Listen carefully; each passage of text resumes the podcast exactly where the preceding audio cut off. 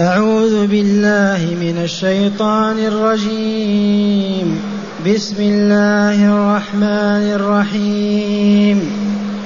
لم يكن الذين كفروا من أهل الكتاب والمشركين منفكين حتى تأتيهم البينة.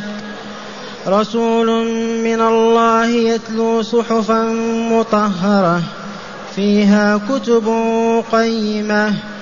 وما تفرق الذين اوتوا الكتاب الا من بعد ما جاءتهم البينه وما امروا الا ليعبدوا الله مخلصين له الدين حنفاء حنفاء ويقيموا الصلاه ويؤتوا الزكاه وذلك دين القيمه أحسنت. قول ربنا جل ذكره لم يكن الذين كفروا من أهل الكتاب. أهل الكتاب هم اليهود والنصارى.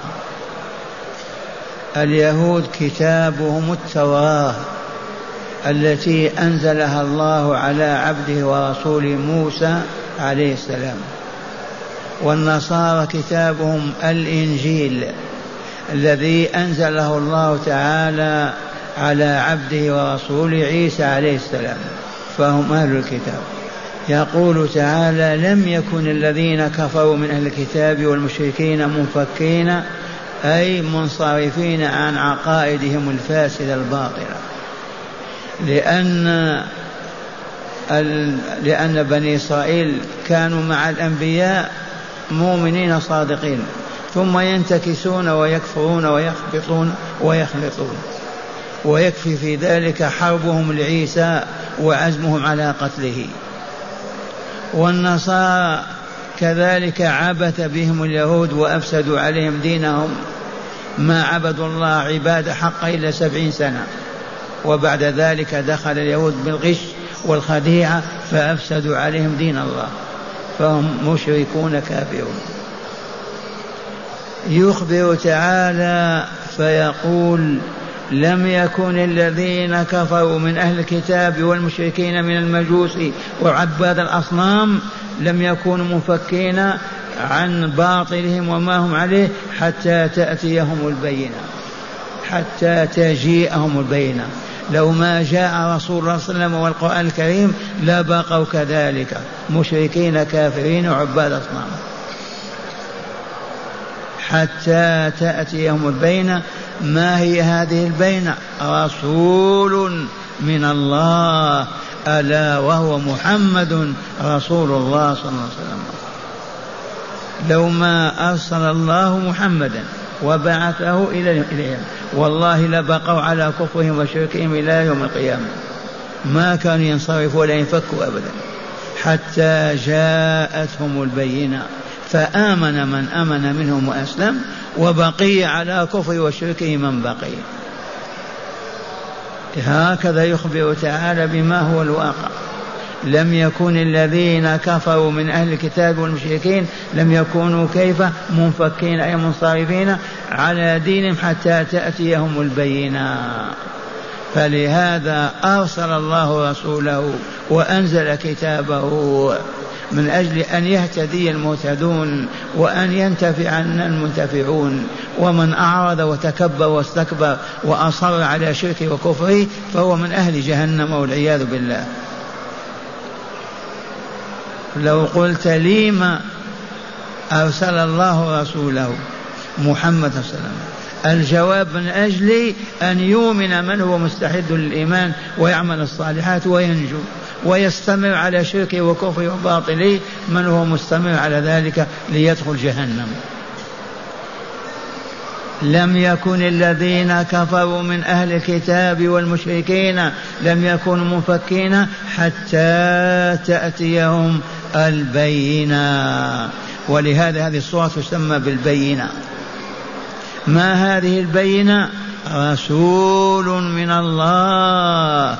مرسل من قبل الله ألا وهو محمد بن عبد الله خاتم الأنبياء وإمام المرسلين يتلو صحفا. يقرأ هو ما يعرف الكتاب والقراءة لكن يتلو يقرأ القرآن الذي ينزل عليه.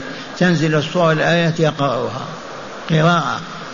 يتلو عليهم يتلو صحفا جمع صحيفة مطهرة. كلمة مطهرة ليس فيها خداع ولا غش ولا باطل ولا شرك ولا ضلال. وفي نفس الوقت مطهرة لا يمسه إلا طاهر. لا يمس القرآن الكريم إلا طاهر. أما الجنوب ومنتقض الوضوء ما يمس. مطهرة. فيها كتب قيمة. الصحف جمع صحيفة ورقة كهذه. لما تجمع تصبح كتابا وإلا لا؟ والقرآن نزل مرة واحدة أو, أو صحف. صحف متعددة وجمع فأصبح كتاب الله القرآن الكريم. مع علمنا بأنه نزل جملة واحدة من تحت العرش من الكتاب المقادير إلى السماء الدنيا ليلة القدر. ثم أخذ ينزل صورا وآيات وآيات صحف حتى أصبح كتابا قيما. رسول من الله. لا من فلان ولا فلان ولا قبيلة الفلانية ولكن من الله عز وجل مهمته يتلو يقرأ صحفا مطهرة. ما فيها دعوة إلى الباطل والغش والخداع ولا فيها شرك ولا ولا فيها كتب قيمة وهو القرآن الكريم. ثم قال تعالى وما تفرق الذين اوتوا الكتاب إلا من بعد ما جاءتهم البينة. خبر أخبر الله به وهو والله كما أخبر. ما تفرق الذين أوتوا الكتاب فأصبح هذا مؤمن موحد وهذا مشرك ضال هذا تقي وبار هذا فاجر إلا بعدما جاءتهم البينة وهي رسول الله محمد صلى الله عليه وسلم. أول قال ما كانوا مفكين حتى كذا والآن ما انفكوا حتى وقفوا على الآيات. هكذا وما تفرق الذين أوتوا الكتاب إلا من بعد ما جاءتهم البينة. قبلها كانوا متفقين ما مختلفين أبدا. اليهود يهود النصارى نصارى. لا نزاع بينهم ولا صراع. وما أمروا أي ما أمرهم ربهم إلا ليعبدوا الله مخلصين له الدين. هذا في كتب التوراة والإنجيل. وما أمروا على يد موسى أو عيسى أو الأنبياء إلا ليعبدوا الله وحده لا شريك له بما شرع أن يعبدوه به من العقائد والآداب والأخلاق والعبادات مخلصين له الدين. وهنا العبادة مفتقرة إلى الإخلاص. أيما عبادة ما يخلص فيها العبد الله إلا وهي عبادة باطلة لا ينتفع بها أبدا. واستنبط من هذا الفقهاء فقالوا هنا دل على وجوب النية لكل عمل صالح.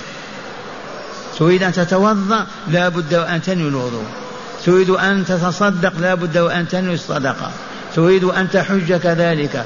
كل عبادة لا بد لها من النية.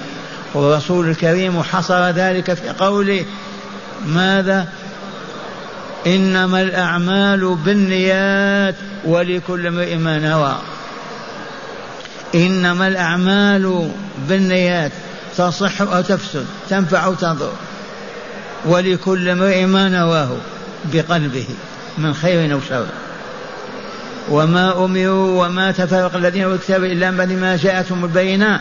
وما أمروا في كتب الله التوراة والإنجيل بشيء إلا ليعبدوا الله وحده لا شريك له مخلصين له الدين. بهذا أمروا حنفاء أي مائلين عن الباطل الحق عن الشرك إلى التوحيد عن الكفر إلى الإيمان. هذا الحنف. حنفاء. ويقيم الصلاة في التوراة والإنجيل كالقرآن. لا بد من إقام الصلاة وإقام الصلاة عباد الله أن تؤدى كما بينها رسول الله بأركانها وفرائضها وآدابها وأوقاتها كما هي حتى يقال أقام الصلاة. ما لم يؤدي على الوجه المطلوب ما أقامها. ما زالت منكسرة على الأرض. ما أقامها. وهذا فرض في الأولين وفرض في الآخرين. الرسل كانوا يصلون وأممهم المؤمنة يصلون معهم. وما أمروا إلا ليعبدوا الله مخلصين له الدين حنفاء ويقيموا الصلاة. إقام الصلاة معنى أداؤها كما بينها رسولنا صلى الله عليه وسلم تؤديها بأركانها وفرائضها وشروطها وآدابها. منها الطهارة ومنها الوقت الذي شرعت فيه ومنها لا تعاجل ولا تسارع فتطمئن في ركوعك وسجودك. مخلص ويقيم الصلاة ويؤتوا الزكاة. كذلك الزكاة يعطونها لتسد حاجة الفقراء والمساكين. هذه شريعة الله عند الأولين في شرائع موسى والأنبياء وعيسى. لا بد من إقام الصلاة ولا بد من إيتاء الزكاة. إقام الصلاة لتزكو النفوس وتطيب وتطهر ولا يبقى غش ولا خداع ولا كذب ولا باطل لأن النفوس زكية طاهرة بالصلاة إيتاء الزكاة لسد حاجة الفقراء والمساكين إذ لا بد من وجودهم ابتلاء وامتحانا من الله في كل مكان وزمان. وذلك دين القيمة أي الملة المستقيمة. إقام الصلاة إيتاء الزكاة عبادة الله الدين هي الملة القيمة. ولهذا تسمى الصورة بالقيمة أيضا. مرة ثانية وما أمر أهل الكتاب من اليهود والنصارى في كتبهم على ألسنة رسلهم ما أمروا إلا ليعبدوا الله تعالى بما شرع لهم أن يعبدوه به مخلصين له العبادة لا يشركون فيها غير الله حتى ولو بخاطر ونظرة حنفاء مائلين إلى الحق بعيدين عن الباطل ويقيموا الصلاة إقامة حقا يؤدونها كما بينها لهم رسول الله كما بينها جبريل لرسول الله صلى الله عليه وسلم ويعطوا الزكاة زكاة أموالهم للفقراء والمساكين والمحتاجين. وهذا هو دين الملة القيمة ملة محمد صلى الله عليه وسلم الإسلام. اتفق الإسلام مع ما سبقه ما خالف ولا خرج عنه ومع هداية الآيات. بسم الله والحمد لله والصلاة والسلام على رسول الله. قال من هداية الآيات أولا بيان أن الديانات السابقة للإسلام والتي عاصرته كانت منحرفة اختلط فيها الحق بالباطل ولم تصبح صالحة للإسلام وهداية البشرية ولا فرق بين يهودية ونصرانية ومجوسية. من هداية الآيات بيان أن الأمم البشرية قبل الإسلام يهود نصارى مجوس مشركين كانوا في ضلال. واستوجب ذلك أن يرسل الله رسوله وينزل كتابه لهداية البشرية. لم يكون الذي يكون كمشركين منفكين أبدا حتى جاءهم رسول الله صلى الله عليه وسلم. لنعلم أنه قبل بعثة نبينا كان الناس شرك مشركين كافرين فاسقين فاجرين. قل ما يوجد مؤمن في أهل الكتاب أو في النصارى من يهود ونصارى نعم. ثانيا إن أهل الكتاب بصورة خاصة كانوا كانوا منتظرين البعثة المحمدية بفارغ الصبر من لعلمهم. من هداية الآيات بيان أن أهل الكتاب من اليهود والنصارى كانوا ينتظرون والله العظيم البعثة المحمدية كما هي في التوراة والإنجيل وينتظرون متى يبعث هذا النبي. ثباتم فلما بعث عليه وسلم آمن من كان أهلا لأن يرضى الله عنه ويدخله الجنة وكفر وبقي على كفره من استمر على ذلك من أهل النار. نعم. ثالثا مما يؤخذ على اليهود والنصارى أنهم في كتبهم مأمورون بعبادة الله وحده والكفر بالشرك مائلين عن كل دين إلى دين الإسلام ويقيموا الصلاة ويؤتوا الزكاة. فما, بال فما بالهم لما جاءهم الإسلام بمثل ما أمروا به كفروا به وعادوه. كما بينا لكم وما أمروا إلا ليعبدوا الله اليهود والنصارى في كتبهم في التوراة والإنجيل. مأمورون بأن يعبدوا الله وحده وأن يقيموا الصلاة وأن يؤتوا الزكاة وأن يعيشوا حنفاء لله لا يشركون بغيره. والله في كتبهم. فلما أصروا على شركهم وباطلهم أرسل الله رسوله وأنزل كتابه لتقوم الحج عليهم ويهلكون أو يسعدون. نعم. رابعا وأخيرا بيان أن الملة القيمة والدين المنجي من العذاب المحقق للإسعاد والكمال ما قام على أسس عبادة الله وحده وإقام الصلاة وإيتاء الزكاة. من هداية الآيات الأخيرة بيان أن الطريق إلى السعادة في الدنيا والآخرة هي الإسلام وإسلام القلوب والوجوه إلى ربه وهو أن نعبد الله بما شرع وأن نقيم الصلاة ونؤتي الزكاة ونحج بيت الله ونامر بالمعروف ونهى عن المنكر كما هي شريعة الله التي أنزلها الله على رسوله لتكون شريعة البشرية كلها. وما أمروا إلا ليعبدوا الله مخلصين له الدين حنفاء ويقيموا الصلاة ويؤتوا الزكاة وذلك دين القيمة أي الملة القيمة. والحمد لله أن جعلنا الله من أهلها. الحمد لله أن جعل الله من أهلها. اللهم لك الحمد على ما أوليت وأفضلت أننا مسلمون مؤمنون يا رب العالمين. الحمد لله. نسمع الآيات مجودة. أعوذ بالله من الشيطان الرجيم. بسم الله الرحمن الرحيم. لم يكن الذين كفروا من أهل الكتاب والمشركين منفكين حتى تأتيهم البينة. رسول من الله يتلو صحفا مطهرة فيها كتب قيمة. وما تفرق الذين أوتوا الكتاب إلا من بعد ما جاءتهم البينة. وما أمروا إلا ليعبدوا الله مخلصين له الدين حنفاء. حنفاء ويقيموا الصلاة ويؤتوا الزكاة وذلك دين القيمة. الحمد لله.